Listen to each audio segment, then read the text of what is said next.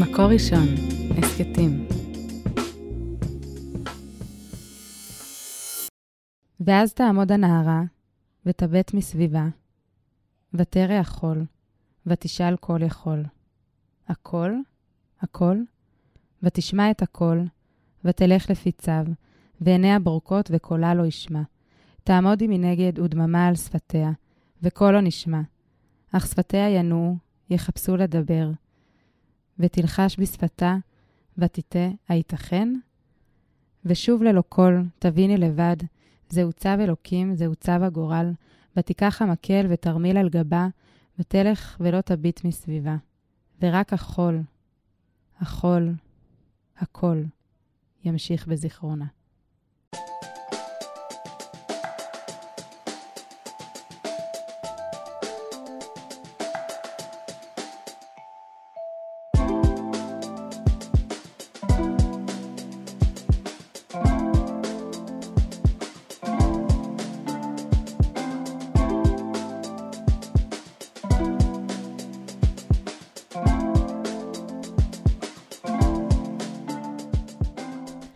כתום לא דוהה.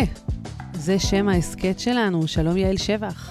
שלום אוריה קור. אנחנו עם הפרק השלישי. אה, שלום גם למאזינים כמובן, אה, סדרת ההסכתים של מקור ראשון והמרכז קטיף, המרכז למורשת גוש קטיף וצפון השומרון, לקראת ציון 16 שנים ליום ההוא. בפרק הזה אנחנו נדבר על אומנות. מתארחים איתנו כאן מנורה חזני ופורת סלומון. בוקר טוב, מנורה. בוקר טוב. שלום גם פורת. בוקר טוב. אתה לא גדלת בגוש, לא גדלת ב- ביישובים, למרות שיש למקום שגדלת בו חתיכת שם אה, ישראלי-ערבי, נכון? מעלות תרשיחא. כן, אה, גדלתי במועט... אז בעיירת פיתוח מעלות תרשיחא, היום כבר אה, עיר, אבל לא, לא מגוש קטיף, אפילו לא מהתנחלויות. לא נורא, אתה מפצה על זה כי היום אתה תושב בת עין, אבל אתה כאן בגלל שאתה עוסק באומנות ויצירות אומנות שמדברות את הגירוש. הם אה, פרי אה, כפיים של אה, תלמידים שלך. כן, גם בין השאר. ספר לנו על, ה, על התהליכים האלה, האם אתה חושב שזה מעביר משהו? תראי, ההתנתקות היא, אני חושב, איזה רגע מכונן, רגע זהותי מכונן. אני חושב, כשחושבים על, על אומנות פוליטית, במה שהמושג הזה אומר, במובן הכי רחב שלו, אז אני חושב שאי אפשר שלא לחזור על ההתנתקות כאל איזה רגע שבו אה, כל השאלות הגדולות אה, מקבלות איזה אה, גילום, קודם כל חזותי, אני חושב. ההתנתקות הייתה קודם כל אירוע אה, חזותי, הוא, הוא אירוע שנצרב יותר מהכל אה, כתמונות, אה, כצבע, כ... אה, פריימים uh, טלוויזיוניים. כי מה? כי כולנו זוכרים את החיילים שהולכים בשורות עם uh, מדים שחורים ודגל ישראל. תראי, אפילו... ואת החולצות אפילו... הכתומות, ואנשים נקראים uh, מבתים לבנים עם גג אדום וים ברקע? אפילו המדים של החיילים זה דימוי שנוצר במיוחד להתנתקות. זאת אומרת, הם לבשו וסטים חדשים שלא הכרנו. אני זוכר את ההפתעה כ... כ... את ההפתעה החזותית הזאת, קודם כל, מזה שהחיילים לבשו מדים מיוחדים אה, לאירוע הזה, אולי במטרה לצרוב אותו כאיזה אירוע אה, מכונן. אה, כמובן שגם המחאה נצבעה כולה בכתום, והחולות של גוש קטיף הצהובים עם הכחול, זאת אומרת, הכל שם היה מאוד מובהק, מאוד צבעוני, מאוד... אני אגיד במובן מסוים אפילו לא מתנחלי, זאת אומרת, זה לא, זה לא הטרשים וזה לא הבוץ אה, של סבסטיה, זה החולות וזה הים וזה הרוח וה, וה, והעימות של זה עם ה... אז אתה אומר שזה ה... טריגר לאומנות בעצם, כל ה... אני אומר שקודם כל אה, זיכרון אה, היסטורי, בטח של אירוע כל כך אה, אה, טראומטי, אני, אני, אפילו, אני אפילו אומר שטראומה הולכת במובהק אל, אל דימויים. טראומה חוזרת דרך דימויים. אה, אני מודה שאני לא מסוגל ללבוש היום כתום. אה, זה לא, זה, זה צבע שמאוד... אה, אתה יודע לא יודע. שלפני זה זה היה מזוהה עם הריצה של עמיר פרץ להסתדרות, כאילו... כן, היה גם מחאה כתומה, אני יודע, בעולם, אני חושב משהו באיטליה, היה, היה, היה לזה היסטוריה לצבע הזה, אבל...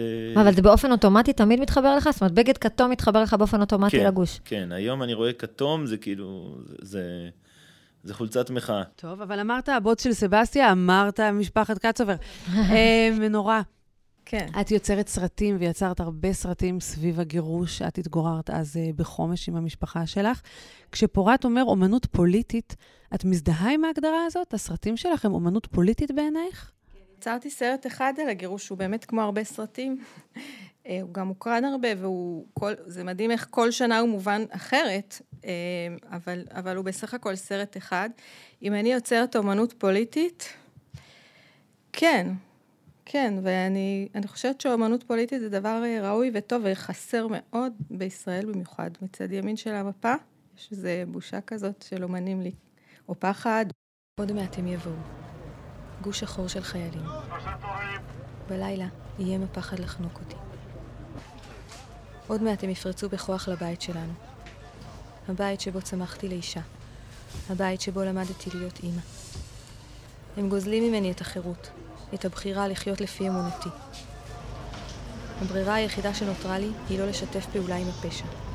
לא לעזור להם, אפילו בצעד, אפילו במילה. מה, אבל, אבל כל, כל דבר כזה אומנות פוליטית, כי נגיד כשעשית את ח- בחומש קרוב לשמיים, או את התנערי, יש שם כל כך הרבה מימדים של אה, תיעוד הקהילה שחיית בה ותיעוד החיים האישיים שלכם. תראי, אני... זה פוליטי? לא. יש, זה, יש מימד אישי ויש מימד פוליטי, אבל אנחנו חיים במציאות פוליטית. השאלה היא אבל מה מניע? זאת אומרת, לייצר דבר כזה, כשאנחנו אומרים אומנות פוליטית, אז אני, אני יכולה להגיד לעצמי שמבחינתי יש פה איזו סתירה כלשהי. כי אומנות זה משהו כן, שדורש אבל השראה. כי, כי אתם, בעיניכם אולי פוליטיקה זה מילה שטחית, או אומנות פוליטית זה משהו שלילי, לא, או אבל זה שזה איזשהו ויכוח. פוליטי. כן, גם אנשים, אני זוכרת שהייתי בשירות לאומי, ויצאתי כאילו לעולם מה, מהיישוב שגרתי בו, באלון מורה, אז אנשים אמרו לי, ההתנחלות היא פוליטית, את בן אדם פוליטי. לא, אז זה ממש לא. אם זאת הטענה, אז זה ממש ממש לא. אני בן אדם, יש לי את החיים שלי, יש לי את הערכים שלי, יש לי את האמונות שלי, יש לי את החוויות שלי, וגם יש, אני גם גרה במקום שהוא מהווה דיון פוליטי סוער, בואו נגיד ככה, בחלק מהמקרים. אה, זה אולי מאוד משטיח, האמירה הזאת, אה, שאומרים שזה אומנות פוליטית, אבל אני לא פוחדת מאומנות פוליטית, להפך, אני רוצה שאנשים יעשו אומנות פוליטית, וגם אישית, מאוד קשה לנתק, אף פעם זה לא מנותק. בוא נגיד, קולנוע, אה, אחד הדברים הראשונים שלמדתי על קולנוע, שקולנוע זה עסק של רגשות. אם אין שם רגשות ואם אין שם אנשים, אף אחד לא יראה את זה וזה לא מעניין אף אחד. אז, וגם לא, בטח לא דוקומנטרי, שזה כאילו איזושהי סוגה עילית כזאת, שאם זה לא מרגש, אה, אז אף אחד לא יראה את זה. אבל זה כל הרעיון גם של כאילו אומנות פוליטית, שזה לייצר איזו מניפולציה רגשית בקרב הצופה, כדי לחבר אותו. אוקיי, כאן את נכנסת לנושא מאוד, אה, כל הנושא של מניפולציות באומנות בכלל, בקולנוע בפרט, שזה המון, יש המון המון מניפולציות, אז איפה המניפולציות ואיפה הכוונה האמיתית, או איפה האמירה האמיתית, זו שאלה, זו שאלה כבר שהיא מאוד, אה, מאוד מאוד גדולה. אה, האם, האם היוצר אומר אמירה פוליטית ומחביא אותה דרך אמירה אישית? כן, אני לא אוהבת את זה, אני גם לא אעשה את זה אף פעם. אני חושבת שיוצר הוא צריך להתכוון למה שהוא אומר ולהאמין במה שהוא אומר, ו, ו, וגם אם יש הרבה מניפולציות, בסופו של דבר סך כל המניפולציות צריך להיות אמירה שהוא כן עומד מאחוריה ומאמין בה, ולא מחביא משהו שהוא רוצה לדחוף אה, נגיד בכוח או משהו כזה. אבל אז האומנות שלך היא אומנות מגויסת לכתחילה? לא, מה זה? לא. איך אומנות יכולה להיות מגויסת, מוריה? אומנות זה הש... זה כאילו הפחד הכי גדול שאני למדתי במעלה, אז כל המורים שלנו, רוב המורים היו לא דתיים והיו גם מהצד השני של המפה, אז כאילו האימה הכי גדולה זה שנעשה אומנות מגויסת, אומנות למטרה. קודם כל, אז אני רוצה להגיד שאומנות מגויסת זה לא דבר פסול. ביאליק עשה אומנות מגויסת וצ'רלי צ'פלין עשה אומנות מגויסת. זה שהאומנות שלך היא מגויסת לטובת רעיון מסוים, יכול להיות נהדר. זה שאנחנו כל כך פוחדים מזה, שזה נשמע לנו הדבר הכי נורא בעולם, לא. וגם אה, ביאליק כתב מהמם, והיצירות שלו עד היום הן רלוונטיות, והאישיות שלו היא עד היום רלוונטית. יצירות של ביאליק עד היום רלוונטיות? אני לא לא יודעת אם הייתי מכלילה אני- בצורה אני, כזאת. אה, כמה אני- יצירות של ביאליק אתם מכירים? יעל, מה את מכירה אני זוכרת? אני, אה, תראי, פורת, מה אתה מכיר אני מביאליק? זוכרת את השירים שלמדתי מביאליק לבגרות. לבגרות. בסדר, אבל אני זוכרת את זה, זה נגע בי. זה נגע בי, אני מזדהה איתו עד היום. אני... זה לא שהוא, הדמות שלו היא דמות נורא נורא, אבל זה לא בגלל שהוא היה מגויס. זה לא בגלל שהוא היה מגויס. זאת אומרת, אני חושבת לא, שהאומנות... זה לא בגלל שהוא היה מגויס, אני רק אומרת שאומנות מגויסת, זה לא הופך אותה ללא אומנות, וזה לא הופך אותה לפסולה. השאלה היא כמה היא עמוקה, כמה רבדים יש בה, איך אתה אומר את האמירה שלך, איך אתה משתמש בכלים כדי להעמיד, להגיד את האמירה שלך. וגם מה, מה המטרה שלך, מה, מה אתה רוצה. אני חושבת שהשאלה כאן בעיניי היא האם, גם, גם מול הדברים שפורת אמר, זה האם אתה מביא את הסובייקט שלך, רק את הסובייקט שלך, רק את החוויה שלך, שזה גם דבר לגיטימי, אבל אז הוא מאוד מאוד אישי, או האם אתה גם מדבר אל הצופה במקום שבו הוא נמצא, שהוא יבין את החוויה. עד כמה זה מתקשר וגם מה מתקשר, כי לפעמים דווקא מה שאנחנו חושבים שהוא מתקשר הוא לא מתקשר, ולפעמים מה שאנחנו חושבים שהוא... שהוא זאת אומרת, האם, אני, אני הרגשתי קושי להעביר את החוויה שלי, את מה שעובר עליי, את ה... את ה, את ה לאדם שלא היה שם מעולם, שלא גדל כמו שאני גדלתי, שלא מבין, לא יודעת, לאדם באינדונזיה, בהודו, לא יודעת, להעביר, להעביר את החוויה הזאת, להפוך אותה לאוניברסלית, ואז האומנות היא יוצאת מהגדר שלך, היא יוצאת אל, אל מקום אחר, אל קהל אחר, אל, אל משהו אוניברסלי. אז כמה באמת, כמה משקל, אני שואלת באמת גם ממקום של מי שכתבה ספר, וכל הזמן תמיד אמרו לי, תתכונני לזה שהפרשנות של מה שתקבלי זה לא מה שחשבת ש... זאת אומרת, מרגע שזה יוצא מהידיים שלך, זה כבר לא שלך. השאלה אם אתה, כשאתה כותב, אני שואלת את שניכם, אתה נכנס לראש של הקורא או של הצופה או של ה... אמ, זהו, אז, אז אני קודם כל רוצה להגיד שאומנות פוליטית, מעבר לשאלה אם הכל פוליטי או לא פוליטי, אני דווקא מאלה שמאמינים שהכל פוליטי, זאת אומרת, כש... יותר גרוע ממני. חלק מהעבודות... הכל סובייקטיבי בסוף. עוסקות בדבר הזה. למשל, אה, כשאני, כשאני אה, מצייר בבצלאל אה, דיוקן משפחתי שלי, של אשתי, של התינוק שלנו, אני בעצם מצייר דיוקן של מתנחלים. המטפחת היא פוליטית, והדגמח שלי הוא פוליטי, והתינוק שלי הוא פוליטי, כי לאף אחד אחר אין תינוק. כשאתה רואה את עצמך בתור משפחה של מתנחלים, ולא בתור אני ואשתי והבן שלי, אתה לא נכנע לאנשים שרואים בך ישות פוליטית ולא ישות אנושית בלתי תלויה? זה לא עניין של כניעה, אני רוצה, אני רוצה לומר יותר מזה. הפוליטי הוא לא פחות אנושי מכל חוויה או מכל אה, רובד אישיותי אחר. החלומות שלי, הנוסטלגיה שלי, האוטופיות שאני מחזיק, הן חוויות אנושיות לא פחות מכל אה, אה, חוויה אנושית אחרת, ולכן... אבל אם היית גר היום במעלות תרשיחא, והיית מצייר אותך, את אשתך ואת הבן שלך, והייתם נראים אותו דבר. זה לא היה דיוקן פוליטי? אז מישהו שהיה חי בחו"ל היה אומר שזה פוליטי כי הוא גר בישראל. זה היה דיוקן של אשכנזים שגרים בארץ פיתוח. כמו בנסיך הקטן, על ההוא שבא להציג את הכוכב. והוא היה לבוש בבגדים טורקים, ואז לא קיבלו את דעתו, ואז כשהוא התלבש אירופאי, אז כן קיבלו. זאת אומרת שאתה רואה בעצמך ישות פוליטית. בכל מקרה. אני רואה בכולם ישויות פוליטיות. אני חושב שפוליטיקה... שפוליטיק, אבל השאלה אם זה מה שמניע זה, אותך לפעול. פוליטיקה כי... זה יחסים הציבוריים שלנו, וכולנו חלק מיחסים ציבוריים, כולנו חלק ממאבקים, אה, מאמצים, תנועות במרחב הציבורי. מעבר לדיון הפילוסופי, מה, איפה גבולות הפוליטי, אה, אני, אני רוצה לומר שבעיניי התפקיד של אומנות הוא, אה, הוא, הוא לשאול את השאלה הפוליטית. לא... לא, ל, אה, לא להתריס עמדה פוליטית, לא שזה, לא שזה פסול בעיניי, אבל זה לא, זה, לא, זה לא מה שאמור לקרות באומנות, שאמורה אה, לשתף באיזשהם, אה, באיזשהם תהיות, הרהורים, אה, חוויות אנושיות. האם יש בכוח היצירה הפוליטית לשנות אה, חוות דעת ציבורית? יש השפעה כלשהי, או שזאת התרפקות מגזרית על פצעים מהגירוש למשל? בעיניי הסיפור הישראלי הוא מופת של... של אה, מהלך אה, אומנותי פוליטי ש, שמגיע מה, אה, מהשוליים אל, אל מרכז המיינסטרים, משיח לוחמים של 67, מתנועות שהיו מאוד מאוד בשוליים ודרך יצירה אומנותית, אני, זה כבר קלישאה לומר עמוס עוז ולומר א' ב' יהושע, אבל הספרות קודם כל מובילה מהלכים לפני שזה מגיע אל הפוליטיקה, לפני שזה מגיע ל, ל, ל, לד, למדינאי שעומד מאחורי דוכן ונותן את הנאום, קודם יגיע הצד האומנותי. איש הרוח. איש הרוח. הוא ו- שמביא ו- את החזון ואת, ה, ואת האמונה ואת הדרך. הוא מכתיב את הדרך אז בעצם. זאת אומרת, אנשי הרוח, בוא נגיד שאתם. שאם, אם.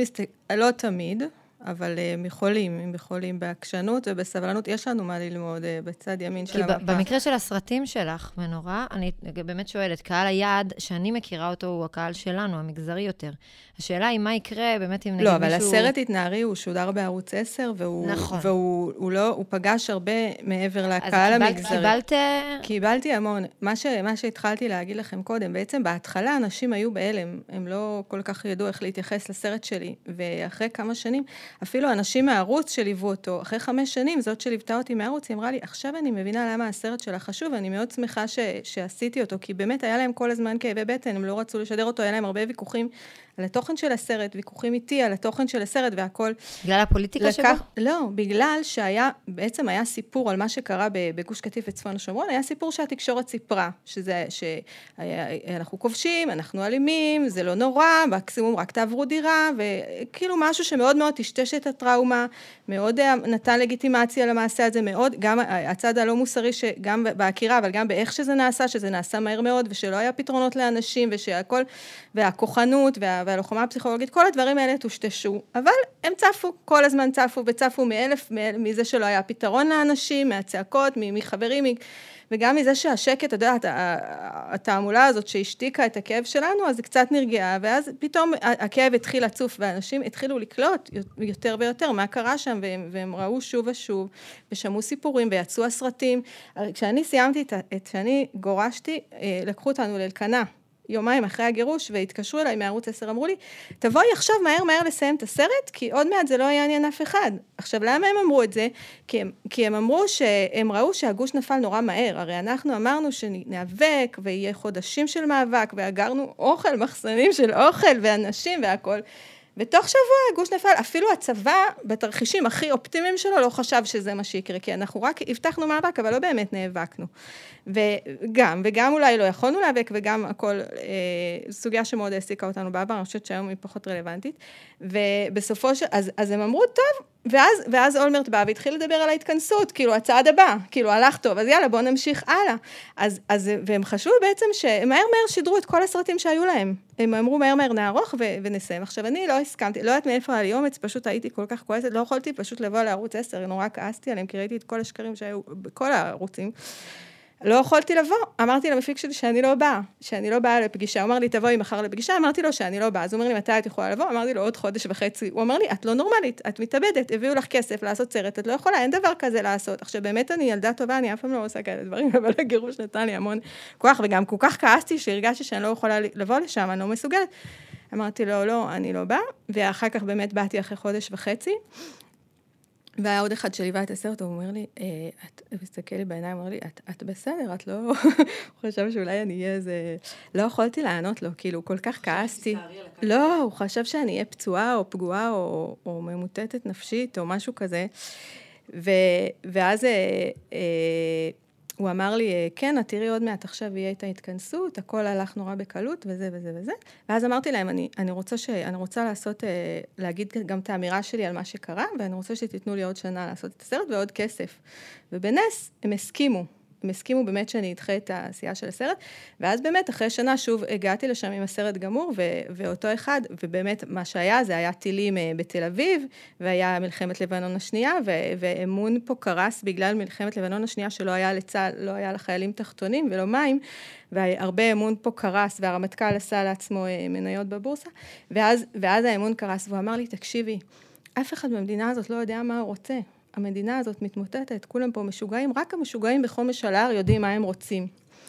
ואז אני הבנתי שהמסר עבר אליו, אליו, שהוא לא אדם אה, לא ימני, אולי הוא קצת גם שמאלני, ובאמת היינו, מה שעבר זה לא הסרט, כאילו באמצעות הסרט זה עבר, אבל המאבק, המאבק העיקש, הראש בקיר הזה שלא הצליח, וגם ידענו שהוא לא יצליח והכל, כי אנחנו כבר, חומש הרי זה אחרי גוש קטיף, ידענו שזה לא יצליח. המאבק העביר את המסר שאנחנו יודעים מה רוצים, אנחנו רוצים, ואנחנו מתעקשים על זה. וזה היה משהו מאוד חזק, וזה גם מאוד מאוד הפתיע אותי, כי הדבר האחרון שחשבתי שידבר אליו או לקהל הישראלי, זה, ה, זה, זה, זה המאבק הזה. וזה, וזה עבד, וזה באיזו עבר. מידה הרקע שלך, כמי שגדלה על uh, ברכי הסבסטיה והשמונה עליות, וגוש אמונים, ועוד פעם ועוד פעם ועוד פעם, uh, מחלחל ליצירה הקולנועית שלך? אוקיי, אה, קודם כל, אה, זה, הדבר הראשון שאני חושבת שזה משפיע עליי זה באמונה ש, שאפשר לסיים את הסרט, כי לעשות סרטים זה מאוד מאוד קשה, וזה כאילו סוג של אה, טרשים לכבוש אותו, ולהאמין שב... את יודעת, כשמתחילים סרט, הסרט האחרון שעשיתי, פשוט לא היה לי כסף, ושום קרן לא הסכימה, רוח אחרת, שזה באמת היה על אבא שלי והסיפור שלו בסבסטיה, לא היה לי כסף ושום קרן לא הסכימה לתת לי כסף, אז הבטחתי, למ... פשוט אמרתי לאנשים שאני הולכת לעשות את הסרט הזה, וידעתי שאני פשוט אתבייש אם אני לא אעשה. כאילו ככה, ככה הכרחתי את עצמי אה, באמת להניע, כי זה מאוד מאוד קשה. אבל זה נתן לי השראה. אמ, אז שוב, אני אומרת, זה, זה במקום של, אה, את יודעת, ללכת בארץ לא זרועה, להאמין שמשהו, ש, כאילו, להאמין שמשהו שאתה לא רואה אותו, שהוא יכול, שהוא יכול להתקיים, לחפש את הדרך לקום וליפול. אבל בשונה מהם, שהם היו חבורה מלוכדת וקיבלו את ההחלטות ביחד, והיה להם את הרב יהודה להתייעץ איתו וזה, אני מרגיש, הרגשתי בהתחלה מאוד uh, בודדה, כאילו שאין לי הרבה, עכשיו הרבה יותר טוב, ויש הרבה יותר יוצרים שנמצאים איתי, יש גם בעלי תשובה, יש גם אנשים שיש יותר uh, חבורות uh, ש, כן, שעובדות, יש, יש הרבה אנשים ש... וכן היו, יש אנשים שלמדו איתי במעלה ועשו סרטים והכול, אבל הם... לא כל כך רצו לעשות אה, יצירות פוליטיות, הם רצו לעשות משהו יותר אה, אוניברסלי, יותר... אה, כן, זה, זה גם קשה וגם פוגע בפרנסה של אנשים. כן, אפשר לחיות מזה באמת, פורת, דיברנו על זה קודם. אם אפשר לחיות מאומנות? מאומנות פוליטית. בוא, מאומנות בכלל זה לא שלאגיה. תלוי מאיזה צד של המפה. עוד לא, עוד לא נולד האומן שבאמת עושה סרטים על... על... אני, אני, אני דווקא רוצה לאזן את התמונה מהבחינה הזאת ולומר שאומנות פוליטית באומנות הישראלית, משני הצדדים, כמעט שאין, בניגוד לדימוי השמאלני נגד הכיבוש וזה של האומנות הישראלית, שהכל מלא בציורים נגד הכיבוש. אה, חבר טוב שלי, מבקר אומנות בשם יונתן אמיר, בדק אה, מספרית את, אה, את אחוז היצירות וגילה שהאחוז הוא מזערי. זאת אומרת, בכלל, אומנים פלסטיים לפחות נמנעים במובהק מלגעת בנושאים פוליטיים. זה, זה, קצת, זה קצת תלוי, כי נגיד, אני, מאנשים שאני חווה אותם, נגיד מבצלאל, אם הם ילכו לאומנות פוליטית, זאת תהיה אומנות פוליטית מסוג מאוד מאוד מסוים, או מצד אחד מאוד מובהק של הפוליטיקה. זאת אומרת, כשאתה בא ואתה אומר שאין אומנות פוליטית, אתה בעצם מתחבר למה שמנורה אומרת, שיש אומנות פוליטית, אה, שאין ימנות, אה, אומנות פוליטית ימנית. אני חושב שבעיניי אה, זה יותר משאין פול... אמנות פוליטית ימנית.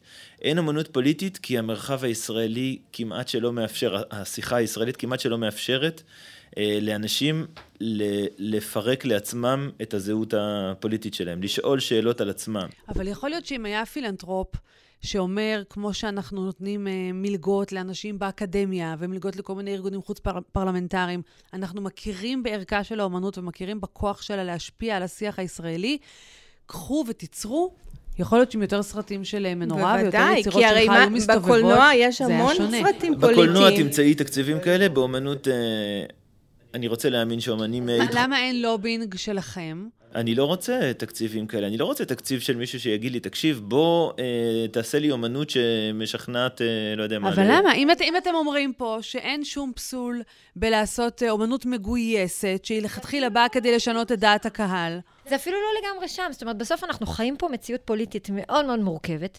אני מרגישה בכל אופן שיש הרבה מאוד אה, אה, צד אומנותי. שאתה מצייר אותו כצד פוליטי, אבל הוא לאו דווקא. אפילו בן אדם שעומד ביהודה ושומרון ומצייר את הנופים שם, זה מיד מתקבל כמשהו פוליטי, ולכן במובן מסוים גם אין לה הרבה לגיטימציה. אני, אנחנו לא פוגשים אה, אה, יצירות לא אומנות לא של המחסום, הרי האיחוד האירופי נותן אין... כסף לקרנות קולנוע בישראל, והוא מתערב. אני מדברת גם על לא, ציור. לא, א', מה שהוא אומר זה שהוא רוצה חופש אומנותי, ושברגע שמישהו נותן כסף, זה התערבות בחופש האומנותי ובאמירה האומנותית. אבל זה בדיוק הפוך מלהגיד צריך אומנות פוליטית, כי פוליטיקה זה להבין שכסף הוא מנהל חלק גדול מהעולם, לא את כל העולם, אבל הוא מנהל את העולם. אז אנחנו, מצד אחד אנחנו רוצים לעשות אומנות פוליטית, מצד שני אנחנו לא נוגעים בכסף, שזה שיא הפוליטיקה. לפוליטיקה, זאת אומרת, זה שיא להתקרקע.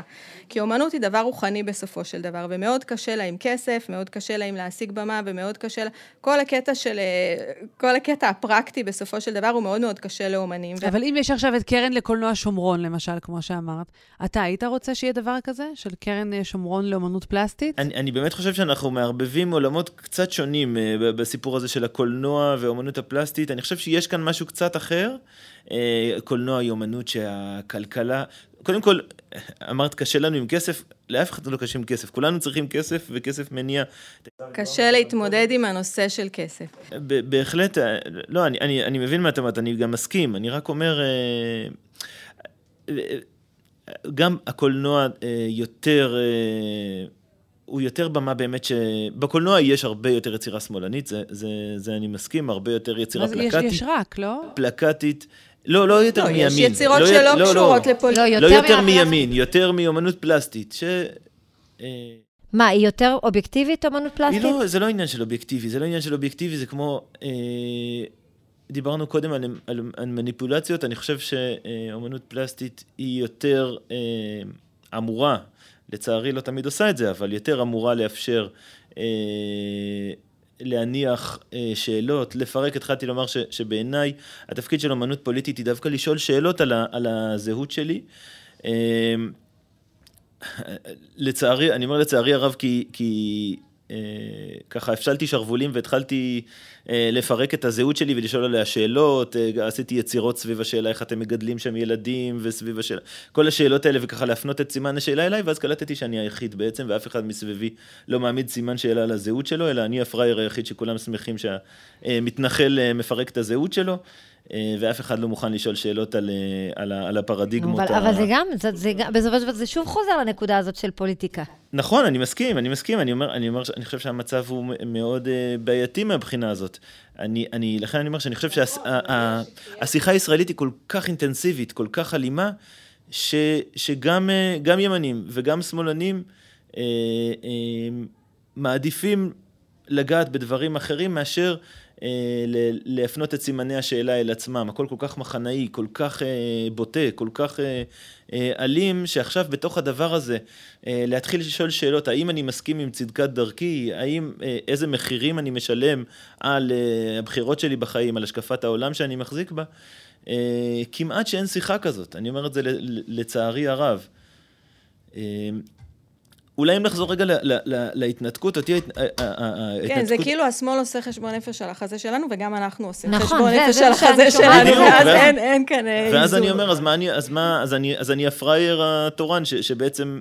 אה, מאפשר לאחרים להכות על החזה וגם שלי. וגם זה שוב חוזר לנושא של הכסף, כי זה מה שהתחלתי להגיד, שהאיחוד האירופי נותן כסף לקרנות אה, קולנוע בישראל, וזה לא רק אה, כסף לממן את הסרטים, זה אחר כך לפסטיבלים שהסרט מוצג בהם, וכל סרט שמוצג בפסטיבלים, אז אחר כך לוקחים אותו ל, ל, ל, לרש, לרשתות שידור בעולם. יש פה איזושהי מערכת שכסף מתערב בה, ולכן אני אומרת שהטהרנות שלנו היא בסופו של דבר, ו- אבל מי קובע דעת קהל של הכסף הזה? זאת אומרת, אומרת האיחוד האירופי, את אם את תגישי את הסרט שלך לאיחוד האירופי, מה יקרה שם?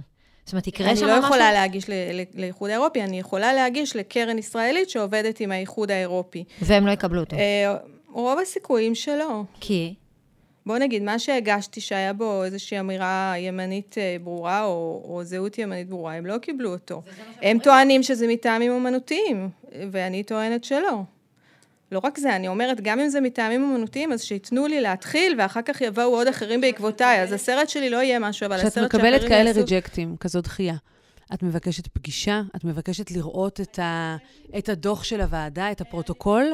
אני מבקשת, כן, או את הדוח או נימוקים. אה, ואת מקבלת פרוטוקול כן, כזה? כן, אני מקבלת. ואז... תראי, בסרטים עלילתיים אז יש פרוטוקול, יש ציונים, יש נקודות גם. יש משהו שמירי רגב הכניסה שינויים, זה שחייבים לכתוב בצורה יותר ברורה את הדעות של הלקטורים ולתת יותר משקל לדעות של הלקטורים, כי, בסופו, כי פעם מה שהיה אפשר, שיו"ר קרן קולנוע היה יכול אה, להטיל וטו על החלטה של, של אם סרט יקבל כסף או לא, בניגוד לדעת הלקטורים. ועכשיו... אחרי, אחרי שהיה ועדה לחקירת קרנות הקולנוע, אחת המסקנות היא שהוא לא יוכל לעשות את זה, וגם שהגשה היא אנונימית, שזה עוד צעד מבורך. של, של מירי רגב, שבעצם זה גם נותן איזשהו יותר, בעצם אנחנו מוחקים את כל הכתוביות מכל הגשה ו, ולא רואים, לא רואים מי הגיש. אבל, אבל עדיין, כן, אני מבקשת נימוק. את יודעת, כותבים שזה מטעמים אמנותיים, זה מאוד מאוד מחליש, זה מאוד קשה. לפני סיום, אם יש לך עכשיו תקציב ואת עושה סרט אחד שלדעתך מונע את הגירוש הבא, איך נראה הסרט הזה? אה, אני חושבת שהוא לא ידבר על, על ההתנחלויות בכלל באופן ישיר ולא על החיים בהתיישבות, שהוא ידבר על זהות יהודית ועל הלב של הזהות יהודית, על, על דווקא הצורך דווקא בארץ ישראל כמרכיב חיוני בזהות, ו, ודווקא המקומות שהם ביהודה ושומרון, שכם, חברון, ירושלים, המקומות שהם לב הזהות שלנו, שהם... שהם חיוניים לכל יהודי באשר הוא בארץ ובעולם, שבלעדיהם הוא לא יכול. זה יהיה סרט דרמה? זה יהיה סרט עלילתי, כן, לגמרי. עם מוות? כל היום כן. מוות, מה אני רוצה לדעת. יהיה מוות, שווה לי לבוא לראות את הסרט הזה, אני אזדהה. אם, אם יהיה מניפולציה רגשית, זה חשוב לי להבין, כי בסוף אנחנו מחפשים... מוות זה לא רק מניפולציה רגשית, זה גם טרגדיה.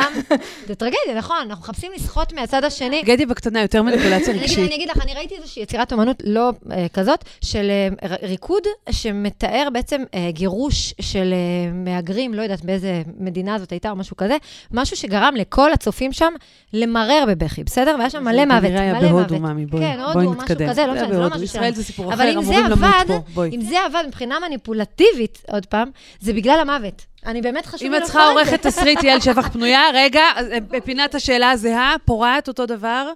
יצירת אומנות אחת שתמנע את הגירוש הבא. ואני אגב, אני רוצה, כבר היצירה הזאת כתובה ואני מחפשת כסף בשבילה, אז אם יש פה איזה תורם שמאזין, הוא מוזמן לפנות אליי. יש לי קרן השתלמות, אני אתן לך. תודה. פורעת, בבקשה.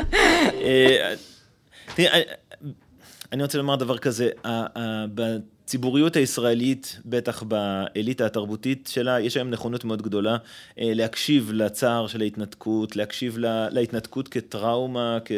ועדיין בעיניי מתפספס משהו מאוד עמוק, וזה אה, אה, חוסר היכולת להבין, ואני מרגיש את זה הרבה פעמים, אנשים יכולים להבין את הצער של בן אדם שמגורש מהבית שלו, אמרת מוות, אלה דברים שאפשר להזדהות איתם, אבל, אה, אבל צער השכינה, נגיד, הוא לא חלק מהחוויה ההומניסטית. זאת אומרת, הצער של קריסת האידיאולוגיה שלך, הצער של אה, תלישת אה, חלקים מהארץ, הצער הזה, הוא כאילו לא נחשב חלק מסט החוויות האנושיות שאפשר... אז איזה, איזה יצירה היית עושה שתמנע את הגירוש הבא?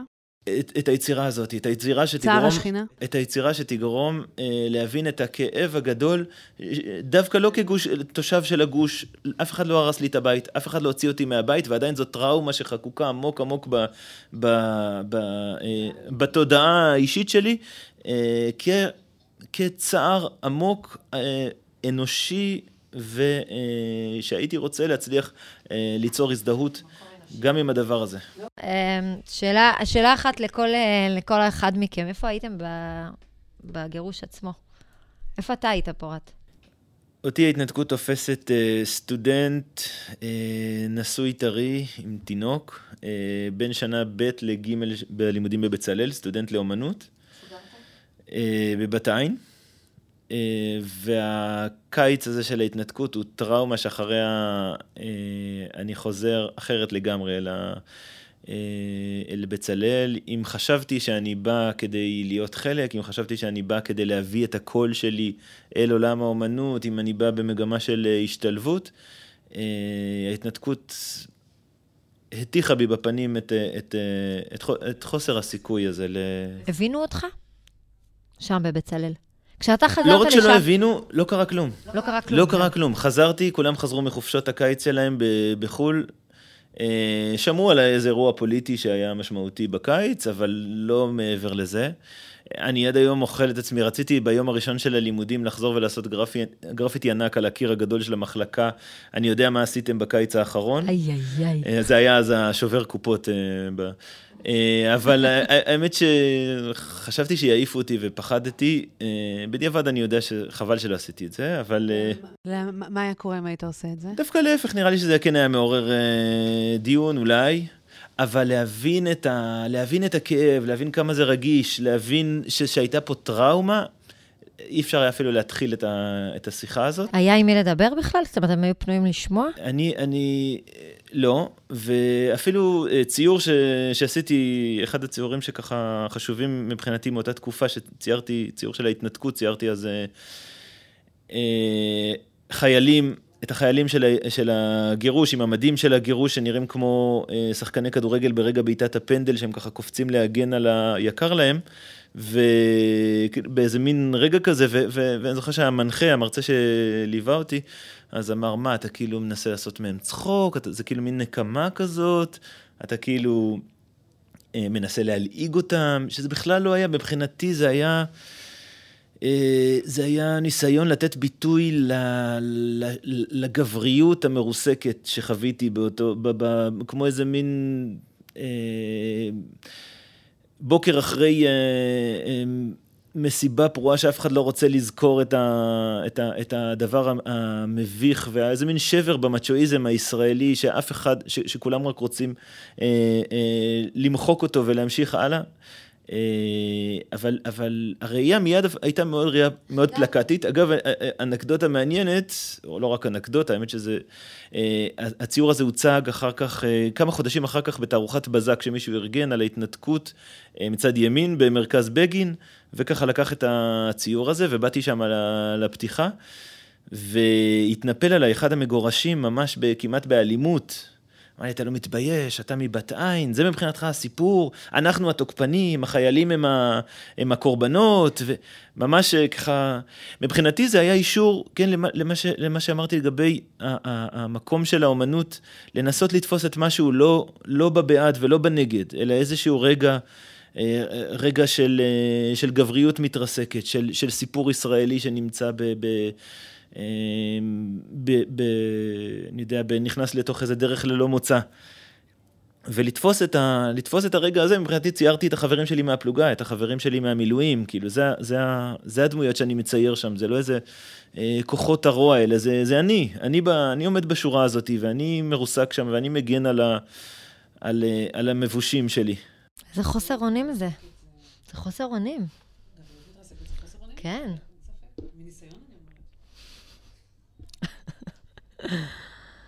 ומנורה הייתה בחומש. כן, אנחנו היינו זוג צעיר, גרנו בחומש בערך ארבע שנים עם שני ילדים קטנים. היה לי תינוק, היה לי, הייתה לי בת בת שנתיים וחצי ותינוק בן שמונה חודשים. באמת התגייסתי מיד אה, למטה המאבק בגירוש, עשינו, עשינו מאבק מאוד גדול, הגיעו הרבה משפחות, הרבה בני נוער, אה, השגנו כסף, ריהוט, ציוד, אה, מאבק... כשאת שומעת על הגירוש... אני גם הייתי דוברת, שזה היה סיוט שאני לא רוצה לחזור עליו. דבר ראשון, את חושבת, אני אעשה על זה סרט? לא, ממש לא. איך יכול להיות? את יוצרת דוקומנטרית. לא, אני רציתי להיאבק, אני חשבת, אני הרגשתי שהאדמה רועדת מתחת לרגליי, שהדבר הזה לא, לא יכול לקרות, שאם, בערך הרגשתי ש, שלא יהיה לי קרקע לעמוד עליה אם זה יקרה. זאת הרגשה שאני חוויתי, זה, וגם הרגשה שכאילו איזשהו אגרוף אה, ברזל עומד למחוץ את החיים שלי, שזה פחד, שזה לחץ, שזה... זה מפחיד, כאילו, גם, גם בספרות המקצועית שקראתי כמובן אחרי הגירוש, שזה גירוש מהבית, זה טראומה מדרגה שנייה, זה טראומה מאוד מאוד קשה, וכשאתה יודע שמשהו נורא הולך לקרות לך, ואתה לא יודע אם יש לך דרך למנוע אותו, זה מאוד מאוד מפחיד ומלחיץ. אני גם הייתי כל היום מחוברת לרדיו, לחדשות, לזה, טיפסתי על הקירות, חשבתי שאני משתגעת. כשבעלי חיבה את הרדיו, אמר לי, זהו, אני לא מסכים יותר לדבר הזה פה. וזהו, ואז התחלתי להיות גם דוברת של מטה המאבק, וארגנו את המאבק, אבל פנו אליי ממעלה, הם עשו סדרה, הם, הם רצו לעשות סדרה על ההתנתקות, של כל מיני במאים שגרים בגוש קטיף ובצפון השומרון, שיצלמו את החיים שלהם ואת מה שקורה להם. ואז באמת התחלתי בשביל הסדרה הזאת לצלם, רק, רק צילמתי כי הייתה לי מצלמה בבית. אבל מה שקרה זה שהוותיקים של חומש, הם היו לא דתיים, הם, הם הלכו לפגישות עם שמאים, והם ניסו לדאוג לעצמם לעתיד, שלא היה ברור בכלל מה הולך להיות איתם. והתחלתי, ואני הייתי היחידה כאילו מהדתיים של חומש שהלכה לפגישות האלה רק כדי לצלם, והתחלתי לקלוט מה קורה להם, מה עובר עליהם, את הזוועה שעוברת עליהם, את החוסר בהירות, את זה שהם לא הולכים לקבל מספיק כסף, את זה שהם לא יודעים בכלל איפה הם יגורו ואיפה הם יעבדו ומה יהיה איתם, והזוועה הזאת. אה, ו, ובתקשורת הראו מישהו שלא גר בחומש, שהוא מקבל אה, צ'ק גדול, שבאמת היה לו בית בחומש, הוא מקבל צ'ק והוא שמח ועוזב בשמחה, זה מה שהראו. את יודעת, הייתה לי שכנה מרוסיה. לא הייתה, לא הייתה תקשורת שבאה? המון תקשורת באה, ותמיד הראו, הראו שקרים, פשוט שקרים, והפוך מהמציאות. וגם פניתי, התקשרתי לתוכניות טלוויזיה, אמרתי להם, אני אשת מקצוע, אני אעשה לכם כתבות, תיתנו לי, תיתנו לי לדבר, תיתנו לי, לא הסכימו. ואני השתגעתי, כאילו זה שיגע אותי, ואז אמרתי, אוקיי, אז לפחות אני אספר את האמת על מה שקורה פה, לפחות אני, מישהו, מישהו יתעד למען ההיסטוריה. את מה שקורה, ו- וזה היה לי נורא נורא קשה, אני באמת הבאתי איזה שתי בנות שחיפשו, לא היה להם כבר מקום ב- בכל האוהלים וזה, אמרתי להם, תגורו אצלי בבית, תטפלו לי בבית, כי אני לא אהיה פה בתקופה הקרובה. ובאמת כל הזמן אה, צילמתי והסתובבתי, וגם הייתי במטה המאבק. זו הייתה תקופה באמת מאוד מאוד קשה, ומאוד uh, תובענית ומפחידה, וגם מאוד עוצמתית, בסופו של דבר, מאוד מאוד עוצמתית. ו... וגם היינו כמובן, האמנו שנצליח לעצור את הגירוש, וזה טפח על פנינו, והאשליות טפחו על פנינו, אבל כשהאשליות טפחות על פנינו זה קריאה לבדוק את הנחותינו, היכן טעינו בהנחותינו, ולא לחזור שוב לאותו מקום, אחרת אה, המציאות שוב תחזור על עצמה, וזה העיקר בעיניי, זה לפתור את הבעיות מהשורש. ולא להמשיך לחיות באשליות, ולא לשכוח את מה שקרה, וגם לא רק להתאבל, יש מקום להתאבל, אבל לא רק להתאבל. זאת אומרת, אם אנחנו רוצים באמת שהמציאות היא תשתנה ותהיה אחרת, אנחנו צריכים להבין. ומה ש... אחד הדברים הטובים שהגירוש עשה לי, אני כאילו זוכרת ממש שהסרט שהתחלתי לעשות אותו כסרט שמתעד את המציאות, אני זוכרת שביום של הגירוש, אני הרגשתי כאילו מישהו נתן לי נבוט בראש של, לא יודעת, של טון, וראיתי כוכבים מרוב כאב וצער ושיגעון, אבל פתאום המציאות התבהרה לי, וקלטתי שאני הייתי נורא נורא נחמדה ועדינה, אבל אנשים שבאו מולי לא היו בכלל נחמדים ועדינים, ושאם אני אמשיך להיות נחמדה ועדינה ולתעד את המציאות בלי להגיד עליה אמירה ובלי לנסות כאילו להתערב בה ולהשפיע עליה, אז המצב יישאר ככה, וזה באמת נתן לי כוח אה, להפסיק להיות נחמדה ולהתחיל להגיד אמירה. ו- וזה משהו שרק מכות עושות, לצערי הרב. אה, כש, כשאנחנו במצב כזה, ואני חושבת שרבים רבים כמוני עברו את החוויה הזאת של לחטוף נבוט בראש, אבל להתעורר ממנו. ו, ואז באמת שיניתי את הסרט, מסרט שרק מתעד את המציאות ומספר מה קרה ומספר רק על קורבנות, לסרט ש, שמוכן להשפיע ולהגיד משהו על, ה, על המציאות. באמת גם היה קשה לאנשים בהתחלה לשמוע. לקח חמש שנים עד שאנשים הקשיבו באמת לסרט שלי והסכימו להקשיב לאמירה שלו, אבל הם, הם הקשיבו לו אחר כך. Okay. אוקיי, okay, תודה רבה לפורת סלומון, ראש בית הספר פרדס לאומנות, נכון? ויוצר אה, בפני עצמו. תודה רבה, מנורה קצובר, יוצרת ותושבת שווי שומרון. Uh, תודה רבה לכם שהייתם איתנו. נגיד תודה גם לאוהד רובינשטיין שהקליט. תודה רבה ליהודית טל שהפיקה את השידור, לידי שלם רבינוביץ' על העריכה. אפשר לשמוע את הפרק הזה ואת כל הפרקים בסדרה הזאת של מקור ראשון ומרכז קטיף, המרכז למורשת גוש קטיף וצפון השומרון באתר מקור ראשון. חפשו שם הסכתים בסרגל למעלה, או תקליטו מקור ראשון בספוטיפיי, אפל מיוזיק וגם בגוגל. תודה רבה, יעל שבח. תודה רבה, מור יעקב. להתראות.